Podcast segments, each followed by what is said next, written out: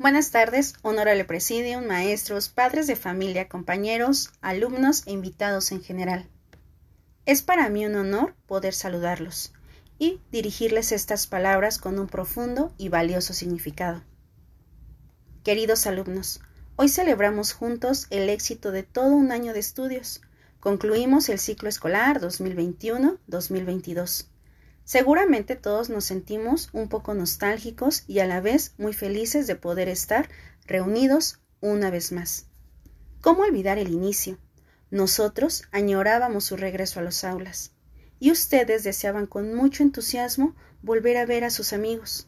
Al principio fue complicado, poco a poco nos adaptamos y con el pasar de los meses comprendimos lo valiosa que es en nuestra vida la escuela ya que aquí descubrimos el verdadero significado de la amistad, la unión, la solidaridad, la alegría y la confianza.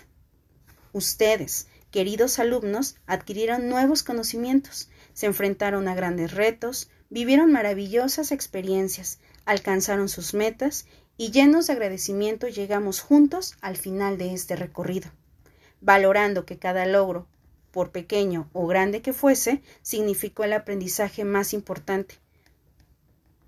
Puedes lograr todo lo que te propones.